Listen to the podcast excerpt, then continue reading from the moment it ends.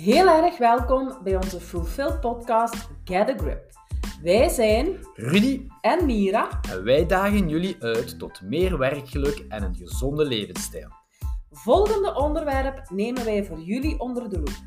Gedragsvoorkeuren, mindset, loopbaan en leiderschap. Maar we staan ook stil bij voeding, veerkracht, perfectionisme, beweging, ademhaling en slaap. Dat alles, zodat ook jij kan excelleren met een vervuld gevoel. Nu en in de toekomst, zowel in je werk als je persoonlijke leven.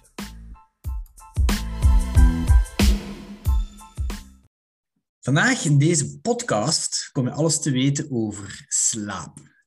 Uh, slaaptherapeute Julie van der Linden geeft je antwoorden op al je vragen. Uh, Julie, misschien kan je beginnen met u even voor te stellen. Ja, oké, dank je Rudy.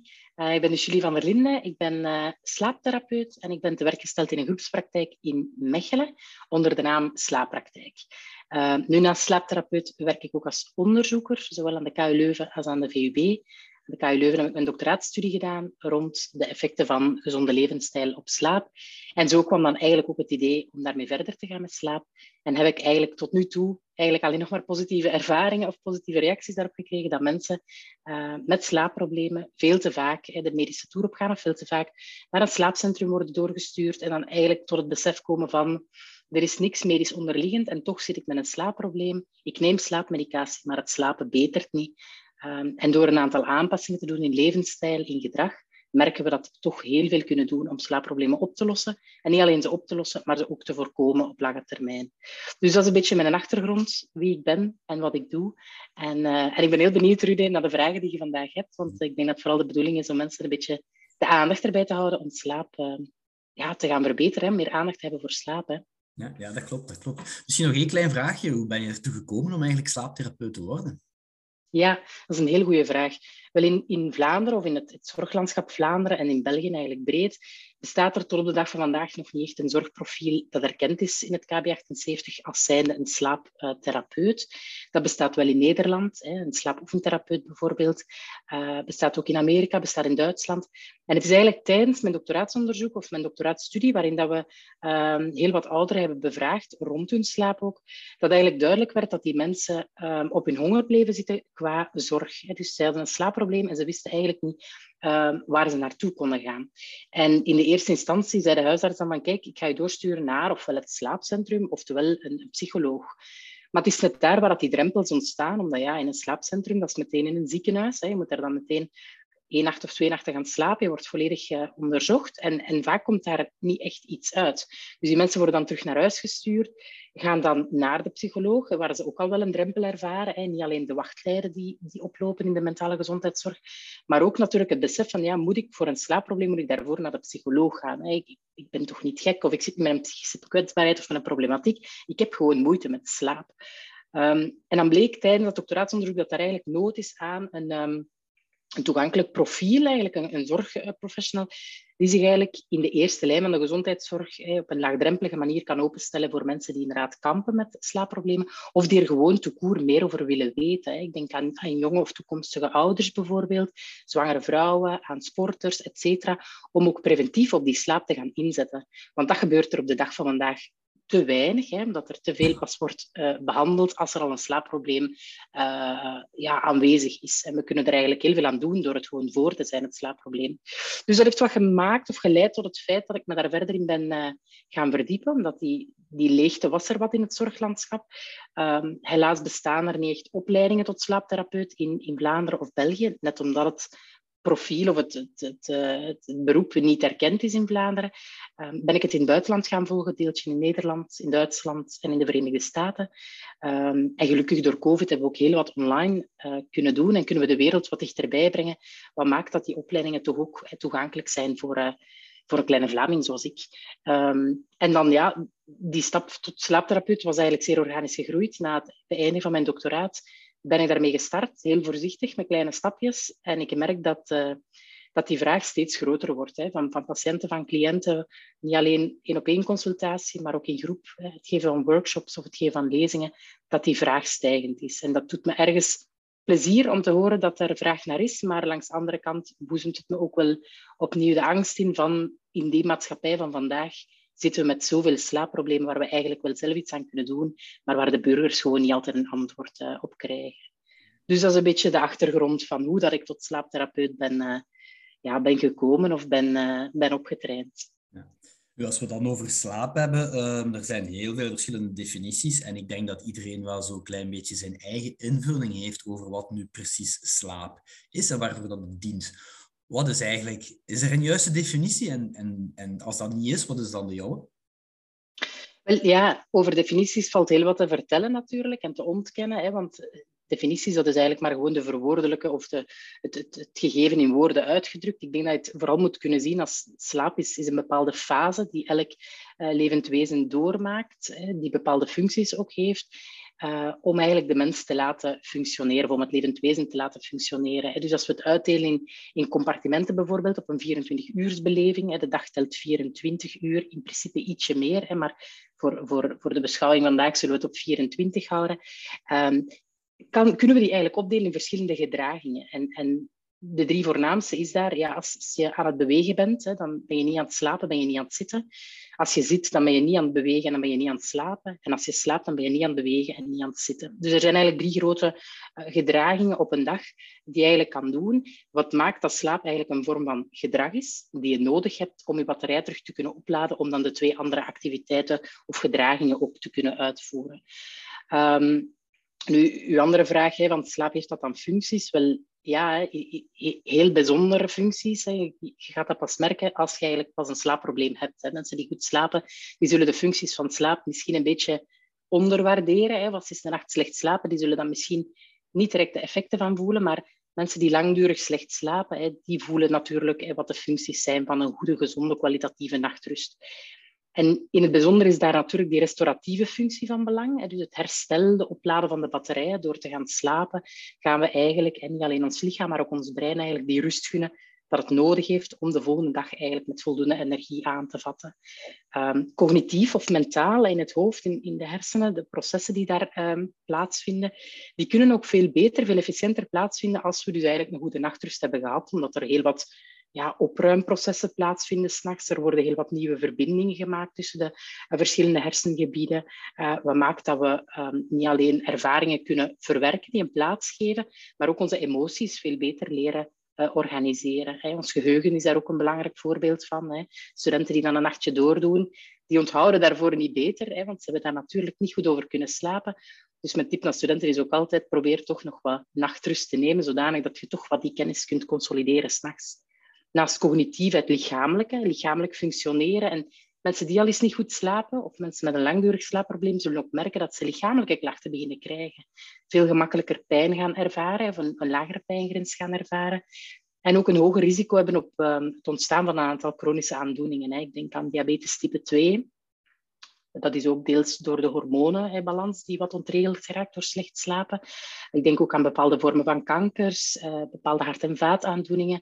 Um, dus dat cognitieve, dat lichamelijke. En als laatste hebben we natuurlijk dat immuunsysteem, uh, het hormonale systeem, dat eigenlijk ook een stukje ontregeld kan geraken als we niet goed slapen. Dus de functies van slaap, hè, die, die zijn er, maar die zijn pas voelbaar als we eigenlijk niet goed meer gaan slapen. Dan pas gaan we merken van, ach, ja kijk, slaap heeft toch wel een functie. Hè. We voelen dat toch wel dat slaap belangrijk is. Um, vandaar dat die preventie of inzetten op een goede nachtrust als een preventieve manier om slaapproblemen te voorkomen, dat dat heel vaak voor vele mensen in de oren klinkt als, ja, ik ben een goede slaper, ik hoef daar nu helemaal geen aandacht uh, voor te hebben, ik zal pas daar aandacht voor hebben als ik slecht slaap. En dat geldt voor alle andere gedragingen in een gezonde levensstijl, denk ik. Denk maar aan gezonde voeding, waar mensen misschien pas tot gezonde voeding gaan overgaan als ze eigenlijk pas het gezondheidsprobleem merken, zijn de obesitas of overgewicht. Ehm, denk maar aan bewegen. Ze gaan misschien pas tot beweging kunnen komen als ze voelen van ja, bepaalde spieren worden slapper of mijn rug doet pijn. Ehm, dus net als al die andere gedragingen in een gezonde levensstijl is slaap ook een gedrag en is ook iets dat we ja, kunnen veranderen, waar we dus ook verbetering kunnen aanbrengen. Maar dat gaat traag. Hè. Ik hoef dat u niet te vertellen, Rudy, dat uh, gedragsveranderingen zijn van het moeilijkste. Hè, dat we mensen proberen bij te brengen. Uh, maar, maar het is mogelijk, ja. Klopt, klopt. En we hervallen ook al heel dikwijls terug in onze oude patronen. Hè? Ja, zeker, zeker, zeker. Nu, zo, uh, over verschillende fases, maar tijdens de nacht, de slaap, uh, ik heb dan vroeger op school geleerd, zijn ook wel op te splitsen in verschillende fases, waarbij, waaronder bijvoorbeeld de remslaap, maar ook nog andere. Ja, dat klopt. We slapen eigenlijk doorheen een nacht, en dat gaat dan over volwassenen. Uh, slaap is een cyclisch proces. Dat wil zeggen dat we eigenlijk doorheen een bepaalde cyclus gaan slapen. Um, als volwassenen kunnen we zeggen dat we ongeveer, één cyclus duurt ongeveer 90 tot 120 minuten. Dat is interpersoonlijk verschillend. Um, en we gaan eigenlijk verschillende cycli na elkaar doorlopen op één nacht. Dat kunnen vier, vijf, zes, soms zeven cycli zijn per nacht. Um, in één cyclus doorlopen we dan idealiter een aantal fasen. En elke fase uh, heeft een bepaalde functie of een bepaald doel. Hè. Um, wat maakt dus als we in bed zouden liggen, hebben we eerst nog een wakkerfase. Hè. We, komen, we bekomen van onze dag, zeg maar, we leggen ons neer. En dan verzinken we een beetje in die lichte slaap. Dat is zo die eerste uh, slaapfase waarin dat we eigenlijk ja, zoals soezig, droezelig worden. En dat we dus eigenlijk, uh, we zijn wel nog heel vatbaar voor prikkels van buitenaf, maar we vertoeven ons eigenlijk al in een soort van lichte staat van slaap. Dan gaan we over naar die diepe slaapfase, hè, dus waarin dat we eigenlijk van lichte slaap naar diepe slaap gaan. Dat maakt dat we eigenlijk minder gemakkelijk te wekken zijn door prikkels. Hè. Als onze partner is zou omdraaien of als we geluid horen buiten, dan gaan we veel minder gemakkelijk tot ons laten komen. Die slaap is heel belangrijk voor uh, het herstel ook, hè. niet alleen lichamelijk, maar ook mentaal. En dan komen we natuurlijk naar die remfase. En die remfase de rapid eye movement uh, phase is eigenlijk ja, die, die droomslaapfase, zo de meest gekende uh, slaapfase. Hoewel dat die eigenlijk maar een, een kleiner percentage van de volledige cyclus inneemt, is dat de fase waarin dat eigenlijk onze geest, onze mentale processen volop op gang zijn, dat we eigenlijk de prikkels van overdag proberen te verwerken, een plaats proberen geven, is vaak ook de fase waarin dat onze fantasie tot leven komt en we soms ook gaan dromen. Dat kunnen heel fijne, actieve, leuke dromen zijn, maar dat kunnen natuurlijk ook heel beklijvende, angstige dromen zijn, zijnde dan uh, die nachtmerrie is. En na die droomslaapfase, dan... Um, ja, het lichaam maakt dan een beetje een keuze op dat moment. Dat is instinctief ook zo, nog van vroeger. Het lichaam gaat altijd kijken, ben ik hier veilig? Hè? Vanuit de oertijd, hè? als ik, als ik s'nachts zou slapen, ben ik nog veilig of word ik bedreigd door dieren of vuur of noem maar op. Dus het lichaam maakt op dat moment een keuze, gaat een inschatting maken van is het de moeite om weer wakker te worden of ga ik gewoon verder met lichte slaap? Dus het kan zijn dat je tussen de droomslaapfase van de eerste cyclus heel licht wakker wordt en dat je dan eigenlijk daarna doorgaat naar een lichte slaapfase. Het kan ook zijn dat je eigenlijk gewoon doorgaat naar die lichte slaapfase. En zelfs de, de meest gezonde slapers zullen al wel eens wakker worden s'nachts. Maar ja, wat doen die dan? Die draaien hun een keer om, of die herschudden hun kussen, of die trekken hun deken nog eens goed. Uh, misschien gaat je nog eens naar, naar het wc s'nachts en dan valt je daarna terug in slaap. Dus zo'n ontwaking hoeft zeker niet problematisch te zijn, is eigenlijk normaal ook in een, in een uh, normaal slaappatroon. Het wordt pas een probleem als je langdurig gaat blijven wakker liggen tussen de verschillende slaapcycli. En ook als je daarin begint op te boeien. Als je begint te frustreren van nu lig ik hier al twintig minuten wakker, nu lig ik al een uur wakker, twee uur wakker. En dan is het natuurlijk heel moeilijk om die aansluiting te vinden naar die volgende cyclus. Hè. Maar ik denk dat we daar straks nog wel op gaan terugkomen. Maar het klopt, hè, we slapen in verschillende slaapfasen en elke fase heeft uh, zijn nut. En wat ook altijd belangrijk is, wat ik zeg aan patiënten en cliënten, is dat hè, die slaapcycli, zeg maar, die herhalen zich dan weer opnieuw. In het eerste stuk van de nacht zullen we heel veel diepe slaap nemen. Dat wil zeggen, we gaan, ons lichaam zal altijd zoeken naar zoveel mogelijk balans. Dat wil zeggen, we nemen eerst wat we, wat we eerst nodig hebben en dat is herstel. En dat zit voornamelijk in die diepe slaapfase. Dus vandaar denk ik ook hè, dat, dat fabeltje van hè, de uren voor middernacht, die tellen dubbel, zeiden ze vroeger al wel eens. Ja, dat zeggen ze nu nog altijd. Eh, dat komt een beetje daarvan. Van het eerste stuk van uw nacht is eigenlijk het, het bijzonderst, is het belangrijkst, is hetgene wat je het meeste nodig hebt. Dat is dus ook die kernslaap die je zeker nodig hebt qua diepe slaap. En dat maakt natuurlijk dat je in het tweede deel van de nacht dat je veel meer lichte slaap en droomslaap zult hebben. Dus je zult veel meer uh, sneller wakker worden, misschien moeilijker terug inslapen naarmate dat je een ochtend uh, nadert. Dus dat wil inderdaad zeggen, mensen die dan uitgaan bijvoorbeeld, hè, die pas later in bed gaan liggen, dat die misschien een iets meer onderbroken nacht gaan hebben, bijvoorbeeld. Mensen die shiftwerk doen, bijvoorbeeld. Dat is ook zo'n mooie, waarin dat ze natuurlijk in het midden van de nacht of ergens vroeg in de ochtend in hun bed kruipen. Ja, uw bioritme is daar een beetje op aangepast, ook naar het licht toe. Dat maakt dat uw nacht misschien iets meer onderbroken gaat zijn. dus um, naast die cycli is het ook echt belangrijk wanneer dat uw nacht juist valt. Um, en daarin speelt licht en, en bioritme natuurlijk ook een heel belangrijke uh, rol. Ja, ja, ja. Du, uh, als we dan inderdaad spreken over zo die shiftwerken of het, het uitgangsleven, uh, dan maak ik het bruidje naar slaaptekort. Uh, kunnen we dat dan uiteindelijk inhalen, dus zo'n slaaptekort, door gewoon de dag nadien een beetje langer te slapen? Ja, dat is een goede vraag. Ik krijg die ook heel vaak. Het is ook altijd een hele zal ik zeggen, leuke vraag, want ik zou daar heel graag ja op antwoorden. Maar de realiteit leert ons, en we kunnen dat vergelijken met, uh, uh, met tijd bijvoorbeeld. Hè. De tijd die voorbij is, die krijg je ook nooit meer terug. Hè. Dus tijd die gepasseerd is, tijd van vorig jaar, dat, haalt je, dat krijg je niet meer terug.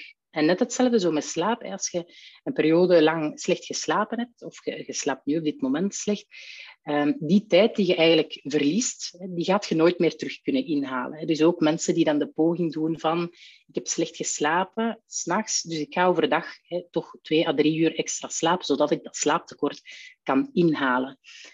Wel dat is een beetje een illusie, want je haalt dat in. En nog erger, je gaat daardoor, door overdag veel te slapen, gaat je natuurlijk een stukje van je nachtrust van de volgende nacht uh, afbreken of afsnoepen. dus je gaat een beetje afbreuk doen aan je nacht die gaat komen.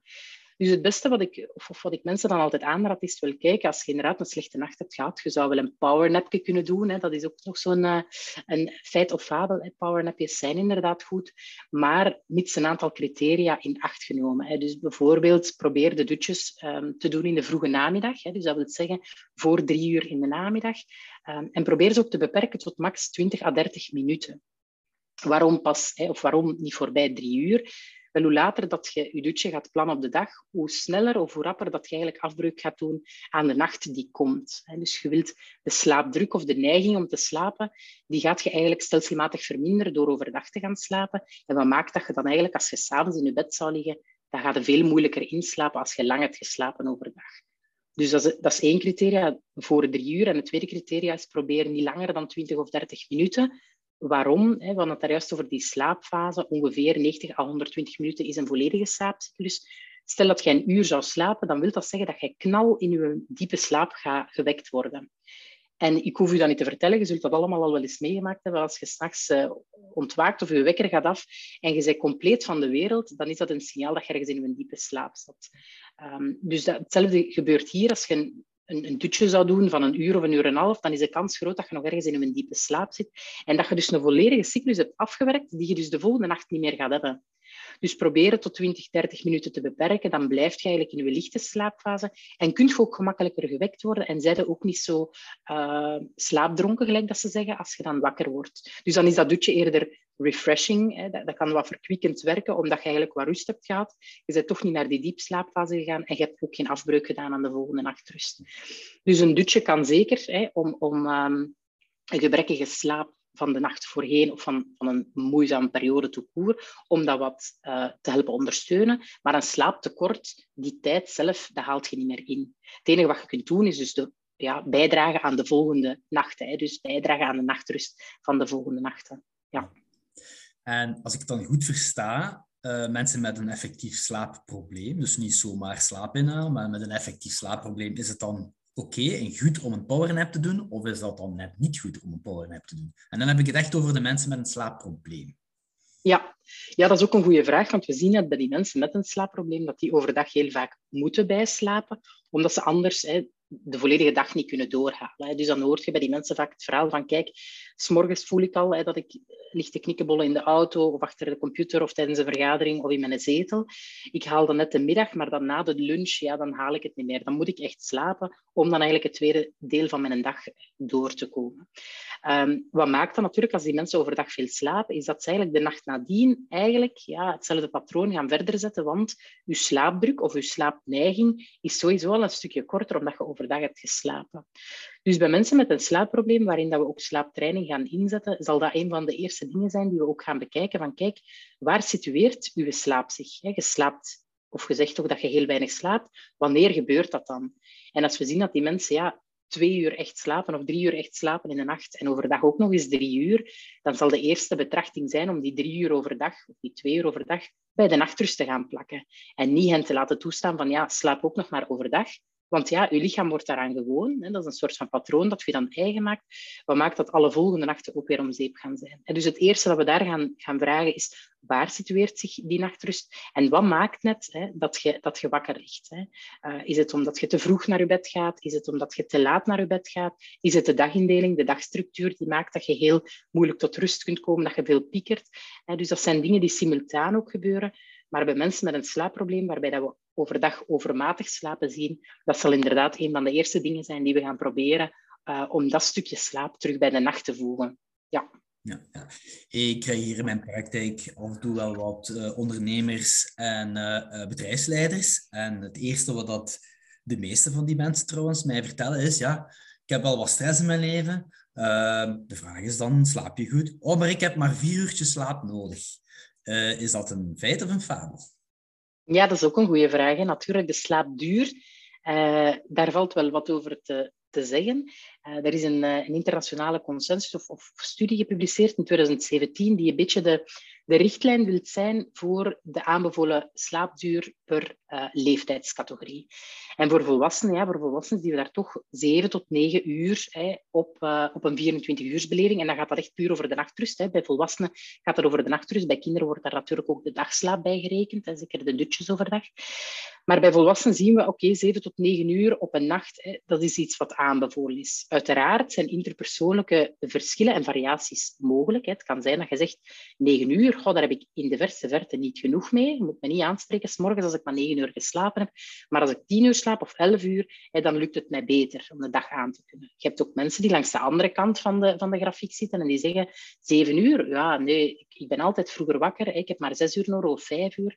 Men stelt gradueel of, of gaandeweg voor dat een kernslaap van 5 uur, dat we daar proberen niet aan te raken. Dus dat we, als we zien mensen zonder of minder dan 5 uur, dat we daar toch proberen kijken van is dat echt waar? Heb je echt minder dan vijf uur nodig?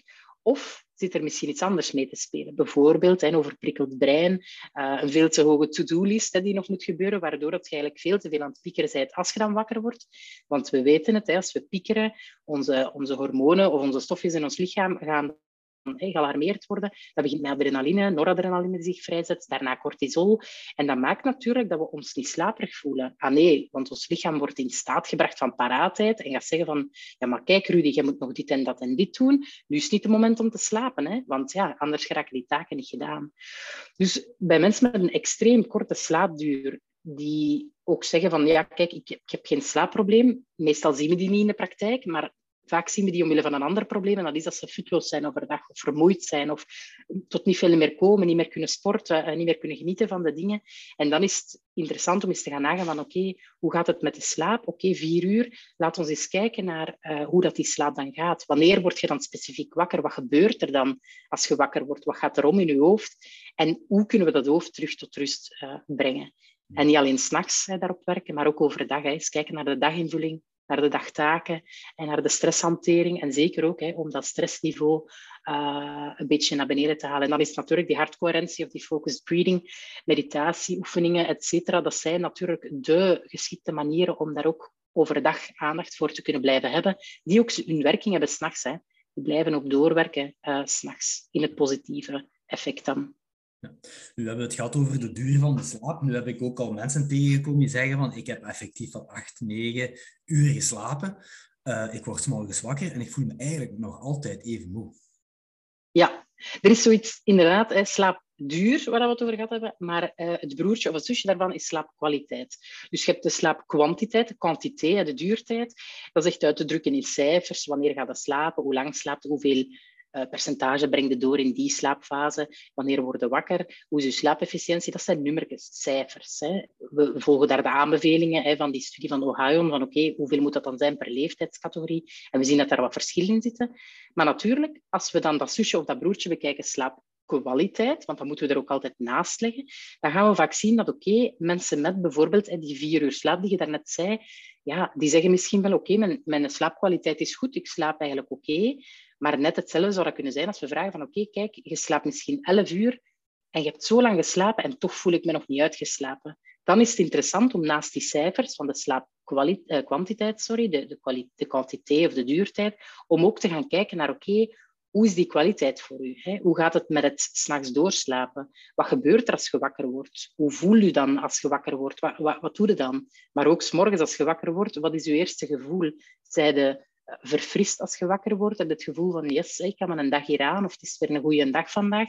Of heb je eerder zoiets van, oh ja, ik zou mij beter nog wat snoezen, ik zou beter blijven liggen, ook al heb ik al elf uur in bed gelegen. Dus er zijn altijd uh, twee kanten die we willen bekijken, omdat de cijfers alleen niet alleszeggend zijn. Naast die cijfers zit ook uw patiënt, uw cliënt, die met een eigen verhaal zit, die ook een kwaliteit ervaart of niet ervaart, waar dat we dus ook aan willen werken. Dus dat is broer en zus, kwantiteit en kwaliteit. En het ene heeft effect op het andere en omgekeerd. Ja.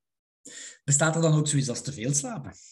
Ja, ook. Dus er bestaat iets als tekort slaap, die slaapdeprivatie. We komen aan te weinig slaap toe. Dat, heeft al, hè, dat is al aangetoond in de literatuur, dat daar heel wat gezondheidseffecten, uh, negatieve gezondheidseffecten van te vinden zijn. Maar langs de andere kant van de staart, veel te lang slapen, kan ook zorgen hè, voor die negatieve gezondheidseffecten. En dan kijken we eerder in het in het kader van hormonale disbalans bijvoorbeeld. Hè, hormonen die veel te laat letterlijk wakker worden. Dus cortisol dat we nodig hebben om ook te kunnen functioneren. Cortisol is niet altijd, hoeft niet altijd in het negatieve daglicht te staan. Dat is ook een hormoon dat we nodig hebben om te kunnen functioneren. Uh, maar door veel te lang te slapen, worden dus de organen die dat produceren, worden veel te laat wakker gemaakt. Wat maakt dat je pas tegen de middag misschien alert en fit gaat worden. En dat die alertheid veel te lang gaat doorlopen naar de avond toe en dat je dan misschien s'avonds veel moeilijker gaat inslapen. En zo zien we dat eigenlijk bij die personen vaak een, ja, een vertraging van dat bioritme optreedt en dat eigenlijk ja, die in een nacht of in een avond altijd later wordt en in een ochtend altijd later wordt. Dus te lang slapen kan ook een negatief effect hebben op de gezondheid.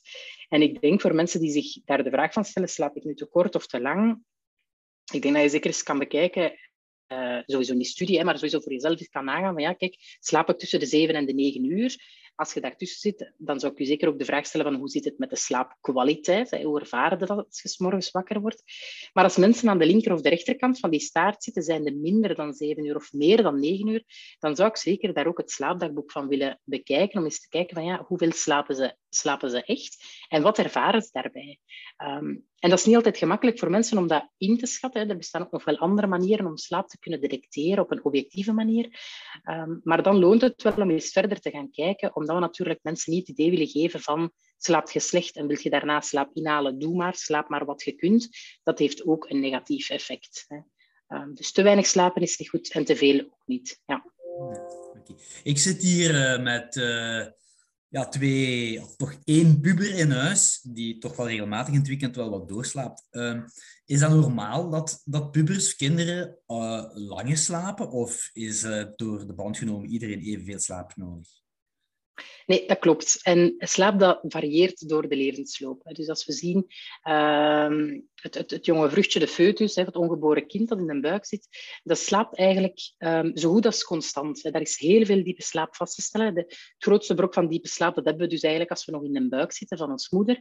Als we dan geboren worden, dan gaat dat aandeel diepe slaap stelselmatig afnemen. En zo ook de duurtijd van slaap. Dus als je die aanbevelingen zult, zult bekijken, um, dan zult je zien dat eigenlijk die curve stelselmatig naar beneden gaat. Die is dus het hoogst, de slaapduur is het hoogst aanbevolen als we heel jong zijn, de jonge baby's, peuters en kleuters. Dat daalt dan. Ook in puberteit zal het stelselmatig gaan afnemen. En dan zien we eigenlijk als we ouder worden, 65 plus, dat dat ook een knik maakt en dat we daar eigenlijk stelselmatig nog meer nou, naar beneden gaan eigenlijk.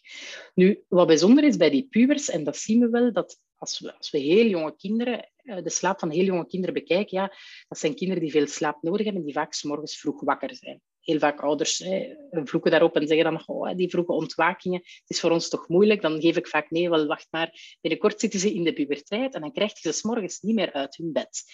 En dat is eigenlijk uh, hun bioritme van pubers. Bioritme past zich aan. En dat is heel typisch tijdens die leeftijd van de puberteit. Dat dat bioritme gaat verschuiven naar late vogels. Dus die gaan vaak s'avonds oftewel veel te laat in hun bed. Hè. Of als ze in bed liggen, gaan ze misschien ook gamen, of gaan ze nog op hun smartphone, gaan ze nog boeken lezen, gaan ze nog met elkaar teksten en appen. Um, waardoor dat hun slaap eigenlijk pas komt één uur, twee uur, soms drie uur s'nachts. En dat ze dus eigenlijk s morgens veel langer gaan doorslapen. Dat ze dus om, om zeven uur, als ze zouden moeten opstaan om naar school te gaan, of om acht uur, dat ze niet fris zijn, dat ze niet, niet uit de veren te krijgen zijn, dat ze niet wakker zijn. Um, er zijn zelfs al studies die het... Um, die het betwisten of dat we het, het, uur waarop dat de school start, de secundaire scholen, of dat we dat niet zouden moeten aanpassen, zodat pubers, hè, jonge tieners en pubers, zich misschien fitter op school kunnen voelen en dat we dat wat kunnen verlaten naar hun bioritme toe. Dus dat is inderdaad iets dat zichtbaar is in de puberteit. En na de puberteit zien we dat vaak terug herstellen, hè, naar een een eerder, vroeger type. Maar het kan dus ook zijn dat dat blijft bestaan. En dat zijn dan de typisch volwassenen met een um, delayed sleep phase, noemen we dat. Dat zijn mensen die heel lange avonden pakken, dus pas laat in bed gaan en s'morgens heel veel moeite hebben om op te staan. Um, we zien bij het ouder worden, gaan we richting 65, 75 plus, zien we dat dat meer verschuift naar een ochtendtype. Wat maakt dat we eigenlijk vroeger in ons bed kruipen s'avonds en s'morgens eigenlijk vroeger en steeds vroeger en vroeger gaan wakker worden. Dus het klopt, uh, Rudy, dat heeft niks te maken bij pubers met, uh, met luiheid, onverschilligheid, tamheid. Dat heeft er dus niks mee te maken. Um, maar bij, bij pubers is het dus heel typisch dat die hun bioritme verschuift. En dan zien we daar ook wel die effecten van, niet alleen maatschappelijk, hè, dat ze het moeilijk vinden om op te staan, maar ook, hè, ik denk aan de relatie met ouderen. Ouders gaan dan vaak slapen, zien hun kind nog actief op, op sociale media, verliezen daar een beetje de controle in dat slaapgedrag. Um, een kind dat s morgens dan, of een puber die dan s morgens zeer gehumeurd aan de ontbijttafel zit, wat toch ook wel voor wat spanningen kan zorgen, denk ik dat het ook interessant is om ook bij die groep in te zetten, op, op slaaptraining. En dan gaat die slaaptraining vooral op, oké, hoe kan ik manieren vinden om toch tot rust te komen, hè, dat ik die smartphone niet in bed meeneem, dat ik die schermen probeer uh, meer overdag in plaats van s'avonds in te plannen uh, rustgevende activiteiten in te plannen. Hè. En om s'morgens voldoende daglicht te voorzien, lichttherapie eventueel, om hè, die pubers, die jonge tieners en pubers, uh, toch actief te maken. Hè, dat ze toch hun dag kunnen, kunnen aanvatten. Ja. ja. Dus we zijn eigenlijk nooit te jong om al te leren om te gaan met, met slaap. Als puber bedoelt je? Ja. Ja, wel ja, dat is een beetje een, een ja, dat, dat is met heel veel zo in, in uh, gezonde levensstijl, in het onderwijs, ook al van de kleuter, peuter, uh, lager onderwijs, secundair onderwijs, kan ik me niet herinneren in mijn eigen schoolcarrière dat er ooit maar één les over levensstijl ging. Um, dat is heel spijtig, hè, want dat is natuurlijk een competentie die je voor de rest van je leven meedraagt en waar je de effecten, of waar je de, de boontjes, de kiemen van plant als je jong bent en waar je dan de, de oogst van kunt uh, binnenhalen als je ouder bent. De effecten van, van een gezonde levensstijl, die ook later voelbaar zijn, die moet je dus eigenlijk al beginnen, uh, hoe zal ik zeggen, Indoctrineren is veel gezegd, maar die zou je eigenlijk al moeten beginnen aanleren aan jonge kinderen, omdat je daar dus die kiem legt voor het latere leven. Um, dus zijn we dan te jong? Wel, ik vind dat we niet te jong zijn, maar het wordt ons gewoon niet aangeleerd. En dat is heel spijtig. Ik, ik probeer daar echt voor te pleiten om zowel al in kinderdagverblijven, niet alleen dat, maar ook uh, de zorgprofessionals die bezig zijn met zwangere koppels, hè, of, of, vrouwen die zwanger willen worden, koppels die zwanger willen worden, om dan al in te zetten op die gezonde levensstijl, want hetgene wat jij doorgeeft aan je ongeboren kind, aan het geboren kind, aan de peuter, kleuter en zo verder, is iets wat zij meedragen voor de rest van hun dagen. En dat is niet alleen slaap, dat is ook voeding zo, dat is ook beweging zo, dat is met stresshantering net hetzelfde. Dus alles binnen een gezonde levensstijl kan niet vroeg genoeg beginnen. En door het vroeg genoeg in te zetten, hè, um, gaat het zijn effecten op lange termijn terugverdienen. Um, dus ik ben daar zeker een fierce believer van. En zijn we dan te jong? Wel, ja, alles valt of staat een beetje met hetgene wat aangeboden wordt. Hè. Niet alleen scholen, ook in opvoeding, hè, wat je als ouder doorgeeft ook. Een warme oproep hè, naar ouders toe om, om, hè, practice what you preach. Hè. Als je zelf lang op de smartphone zit of heel veel stress ervaart en slecht slaapt en dat doorgeeft aan kinderen, dan kun je moeilijk verwachten van hen dat zij hetzelfde doen. Hè. Dus dat is een beetje gedragsverandering, hè, waar we het al over gehad hadden. Ja, klopt, klopt, klopt.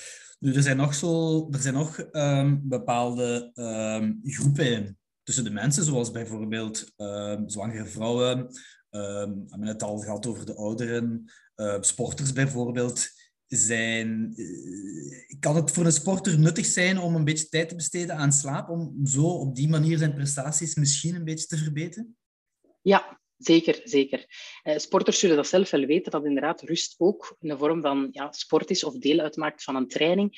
En rust hoeft niet echt alleen slaap te betekenen. Hè. Tot rust komen of een rustgevende activiteit is zeker ook al goed. Maar in voor sporters in het algemeen, een goede nachtrust, wat heeft het daar als voornaamste functie, is dat herstelvermogen. Dus volledig tot rust kunnen komen, niet alleen lichamelijk, maar ook dat brein Zeker topsporters die onder hevige druk staan, denk ik maar. Hè. Uh, maar los daarvan ook hormonaal. Denk maar aan de groeihormonen die worden vrijgezet, of herstelhormonen, uh, waardoor dat bijvoorbeeld kleine schade aan het lichaam, hè, kleine vezeltjes die afgebroken zijn tijdens uh, trainingen, um, verkramping van spieren, blessures, noem maar op, die gaan gewoon veel vlotter herstellen als men goed slaapt. Dat is niet alleen bij sporters zo, ook bij chronisch zieken zien we dat zo, hè, dat inderdaad, stel je breekt je been, door beter te slapen gaat je ook gewoon dat groeihormoon dat je nodig hebt hebt, of die groeifactor die je nodig hebt om dat bot te kunnen laten helen, gaat veel beter en efficiënter worden vrijgezet dan dat je niet goed zou slapen. Dus voor sporters, zeker voorafgaand een belangrijke prestatie, is nachtrust enorm uh, belangrijk. Niet alleen voor die prestatie, ook daarna, om dan te kunnen bekomen van mogelijk ja, de prestatie op zich en ook mogelijk blessures, hè, hoe klein ook. En zwangere vrouwen, daarin het bijzonder, hè, want ja, dat is, dat is geweten en dat is eigenlijk, ja, wordt een beetje onder het vloerkleed ook meegeborsteld, denk ik.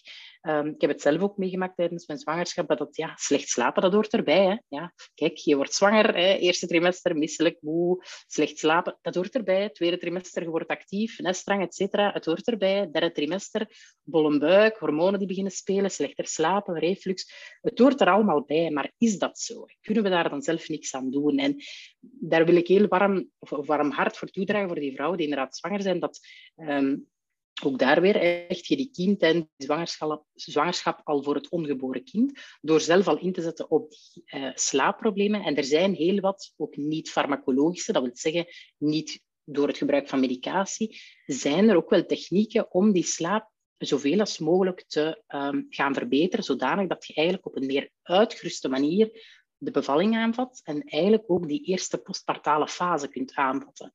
Dus die, niet alleen die zwangerschapskwaaltjes, ook al die mentale processen, die hormonale processen die bij een zwangerschap komen te kijken, Tuurlijk is dat wat het is, hè, maar dat wil niet zeggen dat we er niks aan kunnen doen. Hè. Dus hetgene wat, wat ik daar juist zei, wordt een beetje onder de deurmat geveegd van kijk, dat is zwanger zijn en straks als je kind er is, gaat je nog slechter slapen. Wel, dat hoeft niet per se zo te zijn. Hè. Laat u daarin educeren. Probeer daar echt een manier in te zoeken om wel iets te doen aan slaapproblemen tijdens de zwangerschap. Omdat we zien dat dat de vruchten afwerpt, letterlijk dan na die bevalling. Dat je beter door die bevalling gaat, minder pijn ook ervaart, sneller herstelt. Niet alleen van een gewone bevalling, maar ook van keizers en dat je eigenlijk postpartaal veel sneller een evenwicht krijgt in hormonen, ook naar borstvoeding die op gang komt en je eigen mentale processen ook. Het is een, een, een, een uh, daling op het risico van postpartale depressie. Dus dat is ook al wel iets interessants om mee te nemen, dat slaap um, wel bijzonder belangrijk is in zwangerschap en niet zomaar iets is van het is een kwaaltje en je moet het erbij nemen. Dus uh, zwangere vrouwen is daar zeker een belangrijke groep waar echt nog aandacht voor, voor nodig is, klopt. Zijn er nog zo groepen die, die uh, belang hebben aan een goede slaaprust? Uiteraard iedereen, maar specifiek nog andere groepen? Wel ja, we, hebben het gehad natuurlijk, die ouderen, we hebben het gehad over de sporters en de zwangeren. Eh, bij ouders in het bijzonder, omdat we weten dat daar fysiologisch gezien gaat natuurlijk onze, uh, onze slaap een stukje achteruit. We gaan minder vast slapen, minder diep. Dat maakt dat we moeilijker in slaap vallen, sneller wakker worden, vroeger wakker worden. En voor, uh, voor die doelgroep is, is het bijzonder belangrijk om te gaan kijken op die daginvulling, hoe dat we daar eigenlijk een zo goed mogelijke structuur in kunnen krijgen. En om ook, als die mensen slaapmedicatie nemen, om eens te gaan nagaan van ja, in welke mate kunnen we andere methoden inzetten, zodat die slaapmedicatie niet eh, tot, tot het einde des levens moet genomen worden, omdat het toch wel heel wat nevenwerkingen kan, kan hebben. En langs de andere kant of langs de andere zijde van de levensloop denk ik aan de allerkleinste, hè, de, de, de, baby's, hè, de newborns, de baby's, de peuters en de kleuters, waar heel veel ouders op vloeken uh, naar het slaaptrein. Daar is heel wat om te doen. Er zijn ook heel wat slaapcoaches um, die reizen een beetje als... Uh, ja, hoe moeten we dat zeggen, championnetjes uit de grond, die doen zeker ook goed werk. Ik denk dat daar vooral belangrijk is om als ouder om daar zoveel als mogelijk uw, uw hart en uw gedacht ook in te volgen. Maar dat er dus wel iets aan te doen valt. Dus baby's die echt heel slecht slapen, dan denk ik aan baby's houden aan zes maanden. Um, peuters die, um, die s'avonds drama verkopen voor slapen gaan. Uh, kleuters die pas naar school gaan, die s'avonds totaal overprikkeld zijn. Blijf daar niet meer rondlopen. Doe daar iets aan, want daar is echt iets aan, aan te doen. Hè. Je eigen kind zit daar ergens onder. Is totaal overprikkeld en oververmoeid, maar daar valt echt wel iets aan te doen. En um, dat hoeft niet te willen zeggen dat je kind zomaar hoeft te wenen in bed. Hè. Er zijn verschillende tussenmethoden of, of tussenstappen mogelijk. Uh, het, zomaar laten uithuilen is volledig achterhaald. Dat hoeven we zeker niet meer te doen. Daar sta ik zelf ook totaal niet achter. Um, maar ook hier weer geldt hetzelfde verhaal. Jong geleerd is oud gedaan. En hoe vroeger dat je begint, ook al tijdens die zwangerschap, hoe sneller dat je dat meegeeft aan, uh, aan de kroost. En, en als je zelf leerkracht bent, aan, aan uw kinderen, aan uw cursisten, aan uw leerlingen, aan uw cliënten, et cetera. Um, dus ik denk dat dat ook nog wel bijzondere doelgroepen zijn om, uh, om op in te zetten. Ja. Je hebt daar straks al aangehaald, medicatie, uh, supplementen. Uh, in onze huidige maatschappij wordt er naar mijn inziens al veel te snel gegrepen naar dit soort middelen om ons te helpen. En dan vooral om uh, beter in slaap te geraken. Maar hoe kunnen we nu eigenlijk de slaap bevorderen? Um, buiten het nemen van medicatie en supplementen? Ja, klopt. En over die slaapmedicatie en supplementen, wel, je hebt dan natuurlijk de slaapmedicatie die op voorschrift hè, worden gegeven. Um, daarnaast zijn ook heel wat supplementen die worden verkocht. En dan denk ik in het bijzonder aan melatonine en, en bijvoorbeeld de valeriaanpreparaten. Um, wel op zich, over melatonine valt ook nog wel een woordje te zeggen. Um, we kaderen dat niet echt als, als zijnde medicatie, toch zeker niet als dat laag gedoseerd is. Maar het kan wel uh, effecten hebben op, op je gezondheid. Hè. Melatonine is in principe een, een stofje dat we zelf, ons lichaam maakt dat in principe zelf aan. dat is het hormoon van de duisternis. Ze zeggen al wel eens hormoon van de slaap, maar dat is, dat is een beetje uh, achterhaald. Hè, omdat, omdat we zien dat het pas wordt vrijgezet als het donker wordt. Um, en wat geeft ons dat gevoel als melatonine wordt vrijgezet, als het s'avonds buiten donker wordt? Dat geeft ons het natuurlijke gevoel van vermoeidheid. Van, oh, ik voel me precies wat moe, ik denk dat ik beter ga slapen. Dus dat is zo dat typische uh, uh, uh, zachte, goede gevoel van oh, een goede dag gehad en ik ga nu rustig in mijn bed liggen en de slaap gaat komen. Dat hebben we in principe nodig om ons lichaam dat signaal te geven van Julie, het is tijd om naar boven te gaan, ga maar gewoon slapen. Maar wat gebeurt er in onze maatschappij? We zetten veel te veel ja, nog licht aan, zeker in de winter, kunstmatig licht. Het zij van, van lampen of het zij van schermen, van tv-toestellen, tablets, gsm's die we meenemen naar bed bijvoorbeeld. Dat maakt dan natuurlijk ons brein ja, dat signaal niet gaat geven van jongens, zet er maar melatonine vrij, want het is donker buiten. Dus we moeten eigenlijk dat lichaam terug dat signaal leren geven van het is, het is donker buiten, hè, maak maar melatonine aan zodanig dat je lichaam moe wordt. Eerder dat dan supplementen te gaan bijnemen. Want hè, wat er gebeurt is, oké, we blijven s'avonds nog vrij laat actief, hè, we willen nog van alles van het werk afwerken, we willen nog mails sturen. Um, we willen, als we dan eindelijk in ons bed liggen, willen we toch nog eens even kijken op onze sociale media, de feeds volledig doorkijken, nog eens even op het laatste nieuws, nog eens checken wat is er allemaal gebeurd in de wereld. Dat maakt dat wij constant nog altijd die, die hormonen, adrenaline, noradrenaline en cortisol hoog blijven houden. Want we blijven nog steeds alert. En zolang als die hormonen hoog zijn, gaan melatonine niet worden vrijgezet. Je kunt dus een pilletje nemen, melatonine, maar ja, dat heeft nergens plaats om te landen, dat pilletje, want er zijn nog altijd andere hormonen in het spel. Dus vandaar een warme oproep bij mensen die melatonine nemen. Probeer eens te bekijken, kan ik die manieren terug inzetten hè, om bijvoorbeeld s'avonds het licht wat meer te dimmen. Of bijvoorbeeld door uh, schermtijden hè, wat meer te gaan verminderen richting de avond. Zodanig dat ik in het laatste uur voor ik ga slapen bijvoorbeeld, dat ik daar andere activiteiten probeer te doen waar geen schermen hoeven bij te zijn. Um, en dat helpt vaak al een heel stuk vooruit om minder te grijpen naar die supplementen. Nu, dat is een tip die ik sowieso aan iedereen geef. En dat, dat niet alleen door mensen die melatonine-supplementen nemen, maar een bepaalde structuur in hun dag inbouwen is enorm belangrijk. En we kunnen het hebben over die structuur vlak voor het slapen gaan. Maar eigenlijk, uw slaap hè, wordt al gemaakt of wordt gebouwd de dag die eraan vooraf gaat.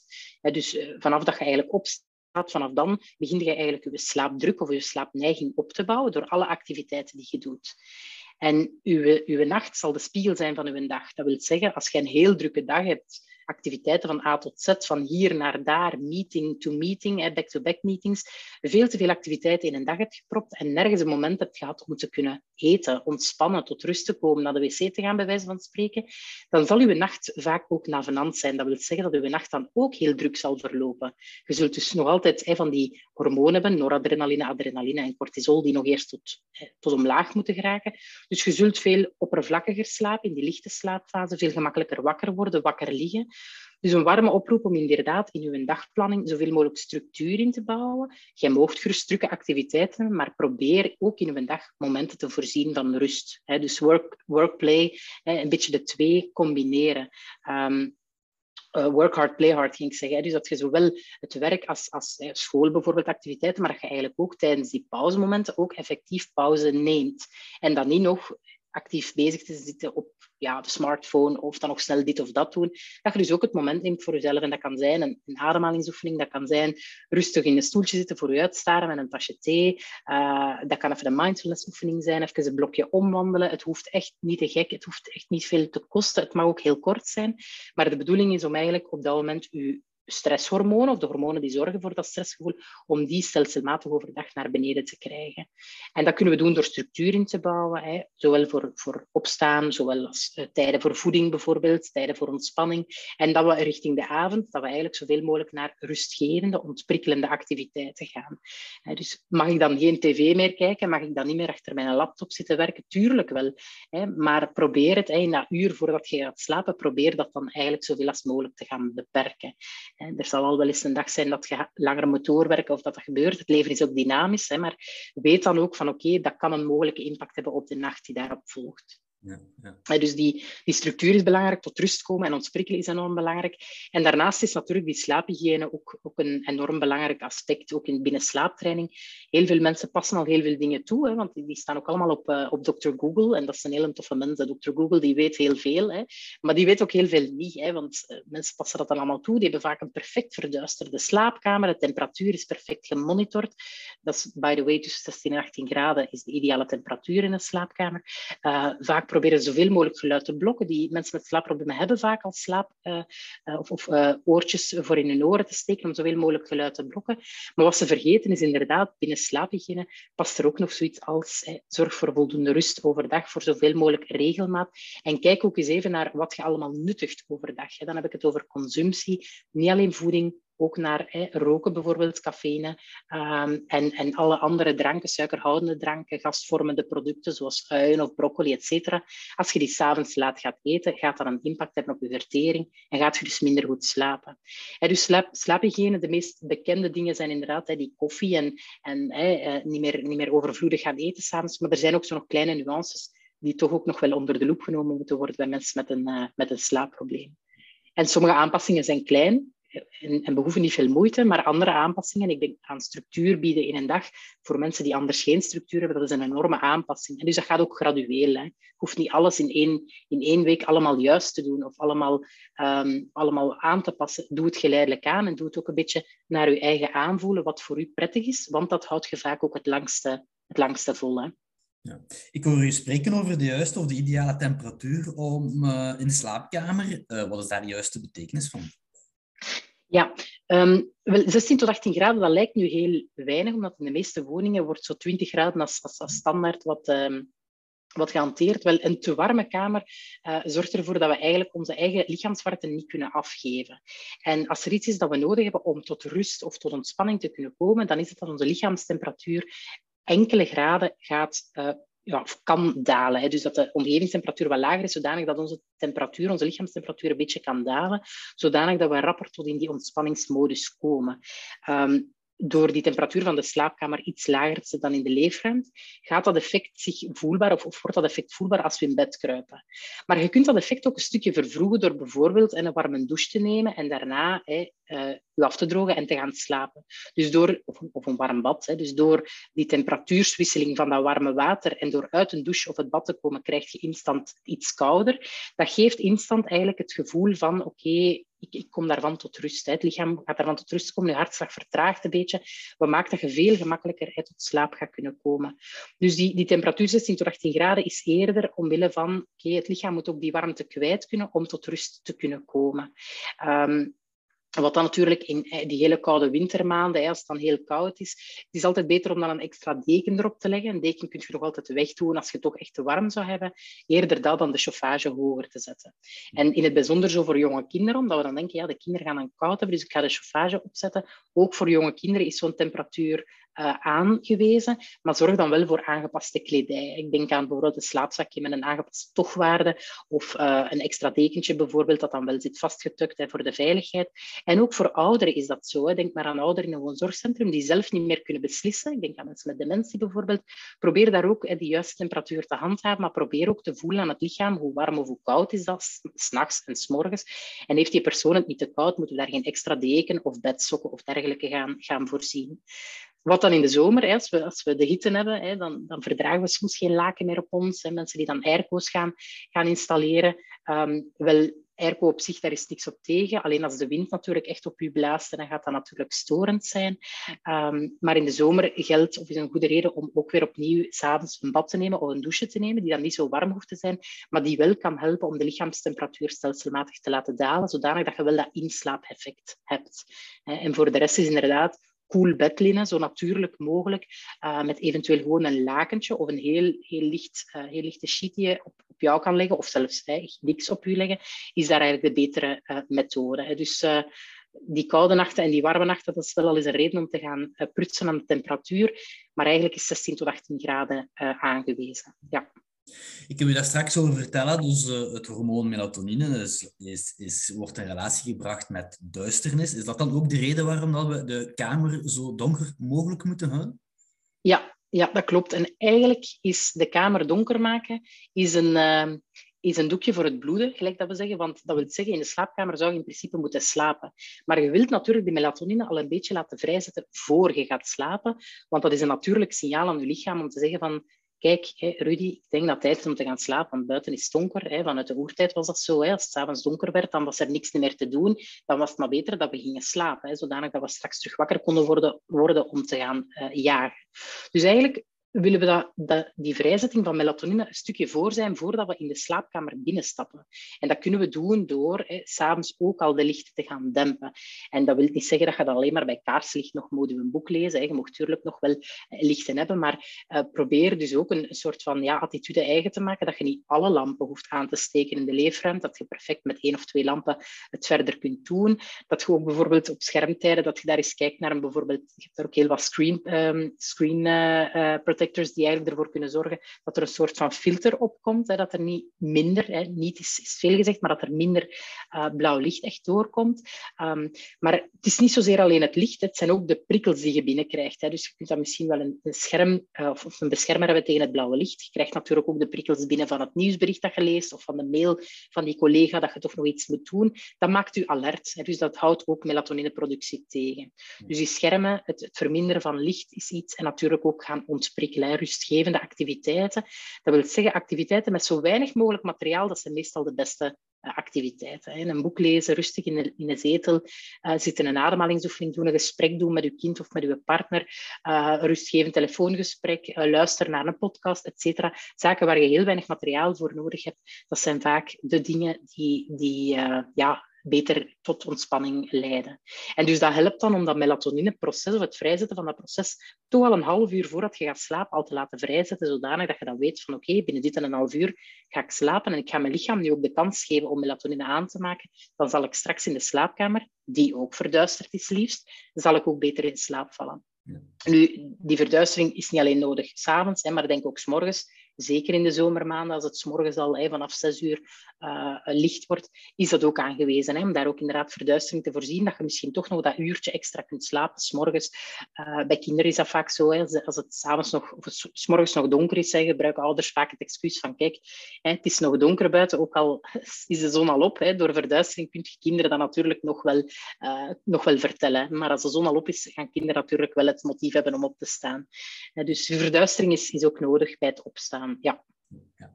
Nu, heel wat prikkels, daar kunnen we dus effectief iets aan doen. We kunnen de slaapkamer verduisteren, we kunnen de temperatuur wel laten zakken. Maar er zijn natuurlijk ook wel bepaalde prikkels waar dat we al uh, minder controle over hebben. En ik heb het dan eigenlijk over gedachten, over piekeren. Uh, heeft dat een grote invloed ook dan op de slaap? Ja, wel piekeren, dat is, um, dat is eigenlijk een vorm van gedachten. Hè. En, en ja, gedachten, dat zijn dingen die passeren in ons hoofd en we kunnen die niet echt uh, niet echt stoppen. Het enige dat we kunnen doen is, is de spotlights die op dat moment op die gedachten staan, om die spotlights ergens op iets anders te kunnen zetten. dus door die, die aandacht op die gedachten te kunnen gaan trainen, zodanig dat we minder aandacht kunnen geven aan die piekergedachten die vaak negatiever zijn. En dat zijn geen vrolijke gedachten. Hè. Piekergedachten, dat zijn vaak gedachten van dit gaat misgaan als ik nu niet slaap, dan kan ik morgen mijn dag niet aan. Heb ik dat wel goed afgehandeld met die collega? Wat, wat moet ik doen met die situatie? Ik zit met een sollicitatie, zou ik dat nu doen of niet? Dus dat zijn vaak negatieve gedachten die in ons hoofd maar blijven spelen in een cirkeltje en we komen niet echt tot oplossingen. En sterker nog, in het midden van de nacht kun je ook niet komen tot actie, hè, want je kunt ook geen actie doen om, om dat probleem te gaan oplossen. Dus die gedachten op zich, die mogen er zijn net als elke andere gedachte. Maar ik denk dat het vooral gaat om de aandacht die je geeft aan die gedachte op dat moment. En dat is ook een training. Hè? Dus daar moeten we ook wel wat eigen in worden. In het begin is dat heel moeilijk. Maar door dat ook overdag al te gaan oefenen, hè, door bijvoorbeeld overdag een actief piekermoment te gaan inlassen en daar echt actief aandacht aan te gaan besteden, kunt je piekermomenten of piekergedachten eigenlijk opschrijven en dat, daar eigenlijk op dat moment ook oplossingen voor proberen te zoeken, eventueel acties aan te koppelen, zodanig dat je eigenlijk overdag jezelf conditioneert van piekeren, dat is overdag. Dan maak je daar tijd voor vrij, dan dat hoeft niet lang te zijn. Dat kan vijf minuten zijn. Voor mensen die langer nodig hebben, kan dat tien minuten of een kwartier zijn. Zodanig dat je je brein traint van, kijk, piekeren, dat doe ik overdag, als ik er de tijd voor maak. Maar s'avonds wil ik liever mijn aandacht geven aan die positieve gedachten die mij ook tot ontspanning kunnen brengen, want ik weet, ontspanning, dat geeft meer reden tot, uh, tot slaap, zeg maar. En eh, die positieve gedachten waar ik het dan over heb, dat zijn eerder die bijvoorbeeld dankbaarheidsgedachten of positieve gedachten van hoe, hoe, goed dat een dag gelopen is. De kleine gelukjes, hè, wat is er goed gegaan aan de dag, dankbaarheidsdagboeken en zo zijn daar zeker goed voor. Maar, maar even goed ademhalingsoefeningen, hè, visualisatieoefeningen of, of, of medita geleide meditatieoefeningen, die je op dat misschien dat moment kunt opzetten of eventueel zelf kunt doen, en een bodyscan bijvoorbeeld, zijn zaak om je aandacht weg te leiden van hetgene waar je over aan het piekeren waart, tot iets anders. En het mooie van die oefeningen is ademhaling. Ja, je adem is er altijd. Hè. Je longen heb je altijd bij. En uh, bodyscan, ja, je lichaam is er altijd bij. Hè. Je brein is er ook nog altijd bij. Dus je zou eigenlijk perfect een ademhalings- of een, een bodyscan oefening heel kort kunnen doen om de aandacht een beetje weg te leiden van die piekergedachten. Wat ze zeggen wel, we moeten die piekergedachten stoppen. Maar dat is, dat is bijna onmogelijk. Gedachten kunnen we natuurlijk niet stoppen. Hè. Die stoppen pas als we, als we dood zijn. Hè. Of, als ons brein volledig in slaap ligt. Hè. Maar dan hebben we er natuurlijk ook geen hand in. Dus ik denk dat het vooral de kunst is om inderdaad die gedachten, zeker die piekergedachten, naar overdag te proberen verschuiven. Door een vast moment in te plannen. En s'avonds of s'nachts als die piekermomenten opkomen. Ik weet, dat is geen evidentie. Dat is echt een training. Daar moet je echt uh, op blijven oefenen. Om dan eigenlijk naar andere activiteiten te gaan die je aandacht meer focussen op het positieve, op het tot rust komen, wat maakt dat je meer succes hebt om in slaap te gaan vallen. Ja, ja. Ehm, is het dan een goed idee als we s'nachts wakker worden, uh, we krijgen die gedachten, die piekergedachten, om op dat moment een meditatieoefening of een ademhalingsoefening te doen terwijl we eigenlijk wakker liggen in het bed? Of is het gewoon beter om op te staan om even een andere activiteit te doen? Of, of zijn beide mogelijk? Ja, dat is een goede vraag, want dat is ook weer interpersoonlijk uh, verschillend ik geef altijd dat advies en mensen doen daar natuurlijk wel mee wat ze, wat ze graag willen doen. Maar als je wakker wordt s'nachts, dan is de eerste oefening of de eerste vraag die je moet stellen van oké, hoe, hoe lig ik erbij? Ben, ben ik, ben ik uh, rustig? Is het hier lekker warm en gezellig?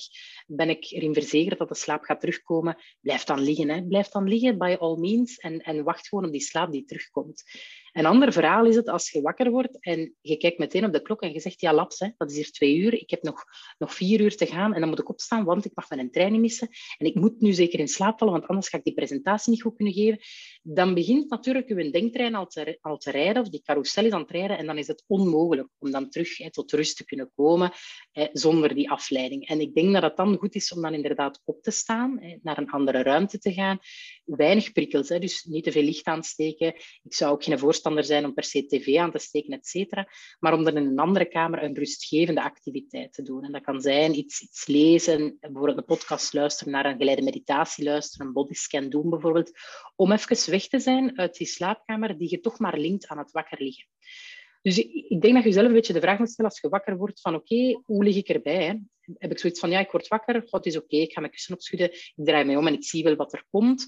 Versus de andere kant van, ja, ik ben hier wakker, zie je wel, gisteren was dat ook al zo, dat gaat hier weer hetzelfde zijn, ik ga niet uitgerust zijn, ik ga geen, geen, geen dingen waard zijn vandaag, dan is het beter dat je opstaat. Hè. Maar ook bij dat opstaan, probeer geen verplichte taken meer te gaan doen en niet meer mails checken of huishoudelijke taken doen. Probeer iets rustgevend te doen. Als je voelt dat de slaap terugkomt, ga dan terug naar de slaapkamer uh, daar te gaan liggen. En dat wordt ook altijd beter door daar meer aandacht aan te geven, hè. aan die activiteiten, aan tot rust komen, die rustgevingsoefeningen, door ook overdag in te gaan zetten die structuur en rust inbouwen in de dag, word je daar ook beter in. Hè. In het begin is dat moeilijk, maar dat is, een, dat is, een, ja, dat is trainen, hè. dat is oefenen, gedragsveranderingen. Ja, ja, Dus ik hoor je inderdaad dan ook wel zeggen dat verlaat, verlaat de slaapkamer als, als, als, je, als je eigenlijk uh, het, het niet slapen en het piekeren gaat, gaat linken met de slaapkamer zelf. Uh, dus dan versta ik eigenlijk dat eigenlijk tv kijken of op je gsm of iPad kijken in de slaapkamer ook geen goed idee is. Ja, dat ligt inderdaad een beetje in de verlengde lijn. En dat is hetzelfde voor, nu met COVID hebben we dat heel vaak gezien, dat mensen soms ook werken in de slaapkamer, omdat er niet anders ja, geen andere opties zijn, geen andere kamers zijn. En dat er bureautjes werden bijgeplaatst in de slaapkamer van de kinderen of van, van zichzelf. Uh, dat mensen huishoudelijke taken beginnen doen in de eigen slaapkamer. Ik denk aan strijken, et cetera. Wel, idealiter is je slaapkamer een plaats voor slaap en, en uitgezonderd ook nog seksuele activiteiten. Maar ja, als je daar natuurlijk ook werk aan gaat beginnen linken, huishoudelijke taken, misschien ook het langdurig wakker liggen piekeren, uh, lang op je gsm zitten scrollen, dan gaat je natuurlijk andere conditioneringen maken met je slaapkamer. Dus dan gaat je andere linken wat maakt dat elke keer als je terug wakker wordt, gaat je hersenen, hè, waar, waar eigenlijk al die pathways gevormd zijn van, ah, wakker liggen, dat wil zeggen, ik kan strijken. Ik kan mijn laptop aanzetten, ik kan een beetje werken, ik kan tv kijken, want mijn tv staat hier. Ik kan eigenlijk met een smartphone beginnen, uh, beginnen scrollen in mijn sociale media, want ik wil nog wat posts lezen. Dus dat is juist die conditionering of die link die dat we eruit willen.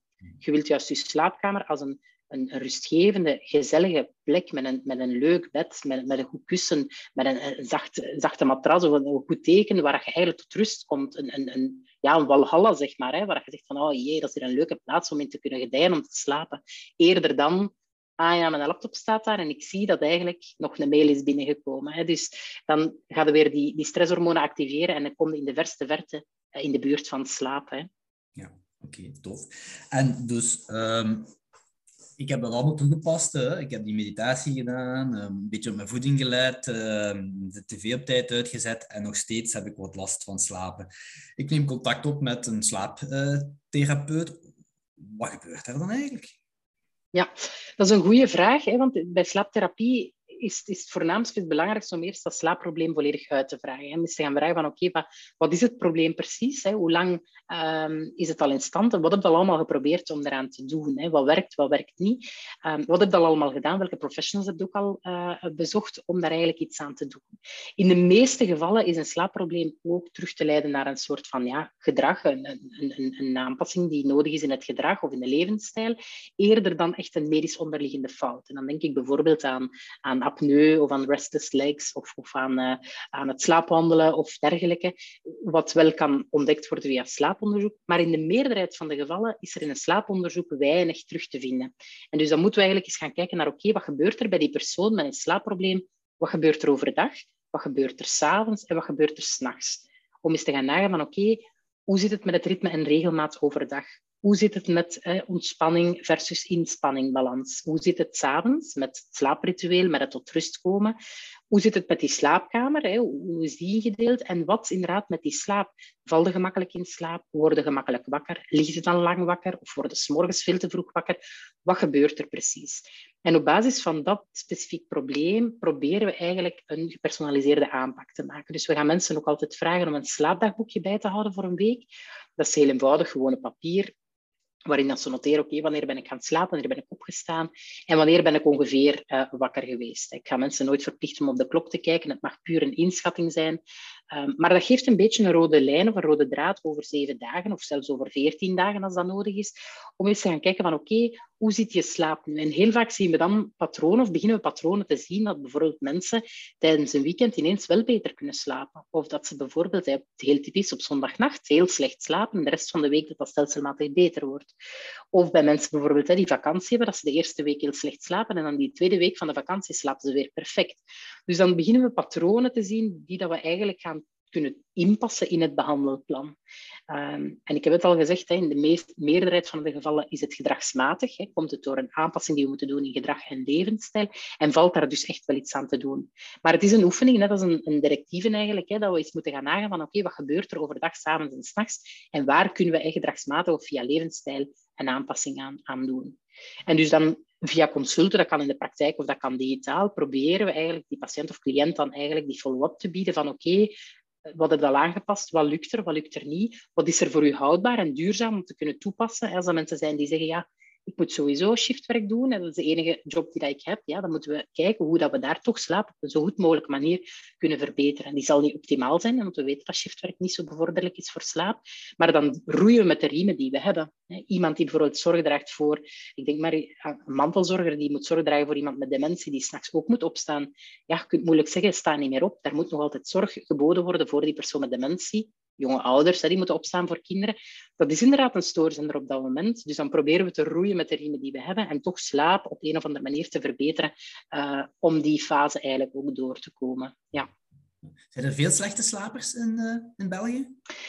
Wel ja, dat is een beetje eh, wat, ja, wat de studies zeggen, is 1 op 3 in België. Maar um, dat is een enorme onderschatting natuurlijk. Hè, want niet iedereen met een slaapprobleem loopt daarmee naar de huisarts. Hè, want iedereen is al wel eens moe, iedereen slaapt al wel eens slecht. En nu zeker met COVID, hè, nu zeker met de perikelen die gebeuren, of met die oorlog en dergelijke, heel veel mensen laten hun slaap daarvoor. Heb ik daarvoor een slaapprobleem? Wel ja, dat valt te onderzoeken natuurlijk. Dus niet alle slaapproblemen zijn vastgelegd, hè, worden, worden vastgelegd in de cijfers. Maar als we de cijfers geloven, dan is dat 1 op 3. En ik geloof nu ook met COVID hè, dat dat inderdaad nog wel is toegenomen. En dat we nu misschien meer aan die stabilisering komen, omdat we meer geloof hebben in oké, COVID is stilletjes aan op zijn einde aan het komen, dat we daar meer in kunnen berusten, zeg maar. Maar het leven is dynamisch, hè. er gebeuren heel wat dingen. Denk maar nu aan, aan, aan de perikelen die, die nu uh, uh, in, de, in de media actief zijn. Ja, daardoor kunnen we onze slaap laten, stressvolle periodes bijvoorbeeld. Dus ja, hoeveel slechte slapers zijn er? Volgens de cijfers 1 op 3, maar ik geloof dat er veel meer zijn. En dat, ja, het is nog steeds een taboe. Hè. Mensen praten niet graag over hun slaapprobleem. Um, dat ze dan misschien ook wel wat worden bestempeld als um, ja, lui of tam, van die, die hebben meer slaap nodig of die kunnen het leven niet aan en dergelijke. Terwijl ik mensen altijd op het hart druk van ja, slaap is een, is een essentiële functie, net als voeding, net als beweging. Je hebt het nodig. En als je het niet hebt, dan zul je pas voelen dat je eigenlijk die functie mist in je lichaam. Dus door er iets aan te doen, het hoeft niet tot een extreem slaapprobleem uh, te evolueren. Je kunt er ook al iets aan doen, ook al merk je nu al bij jezelf van ik loop toch vermoeid rond, ik heb weinig fut, uh, ik kom niet aan de dingen toe waar ik vroeger wel toe kwam, dan denk ik dat het wel eens loont om, uh, om eens langs te komen. Ja, ja. Zijn er nog zo tips die je zou willen meegeven waar we het niet over gehad hebben?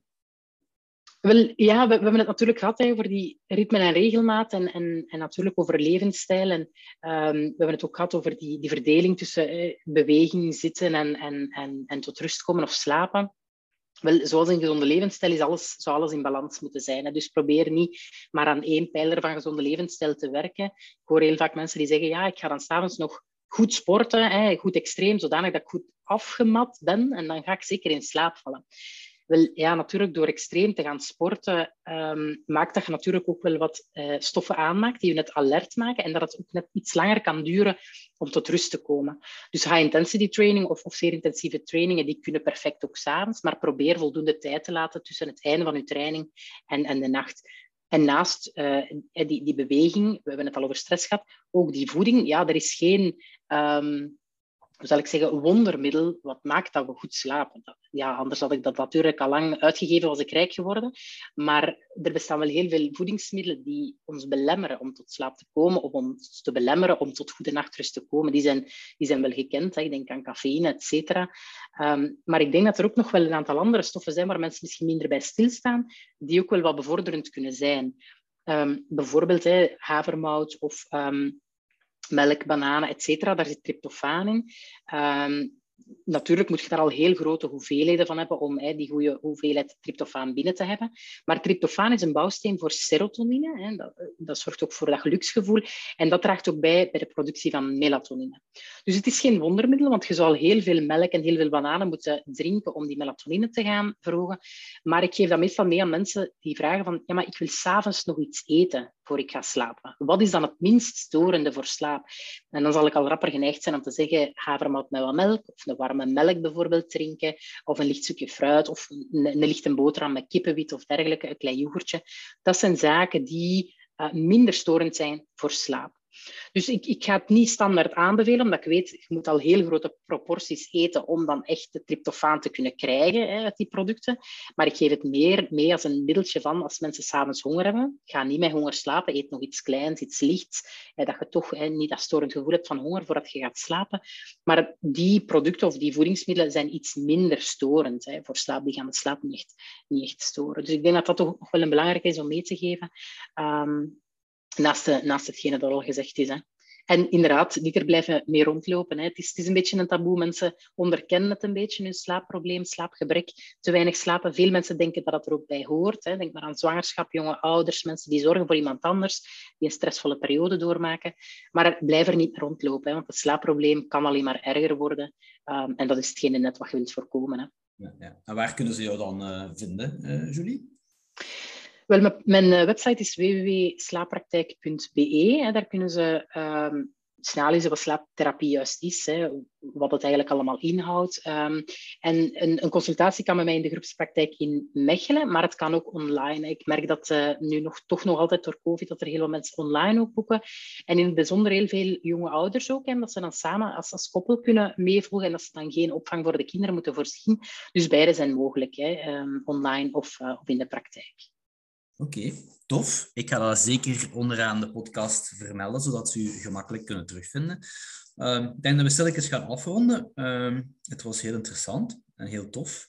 Ik heb heel veel bijgeleerd en ik hoop dat de mensen het, uh, het ook veel hebben bijgeleerd. Voilà.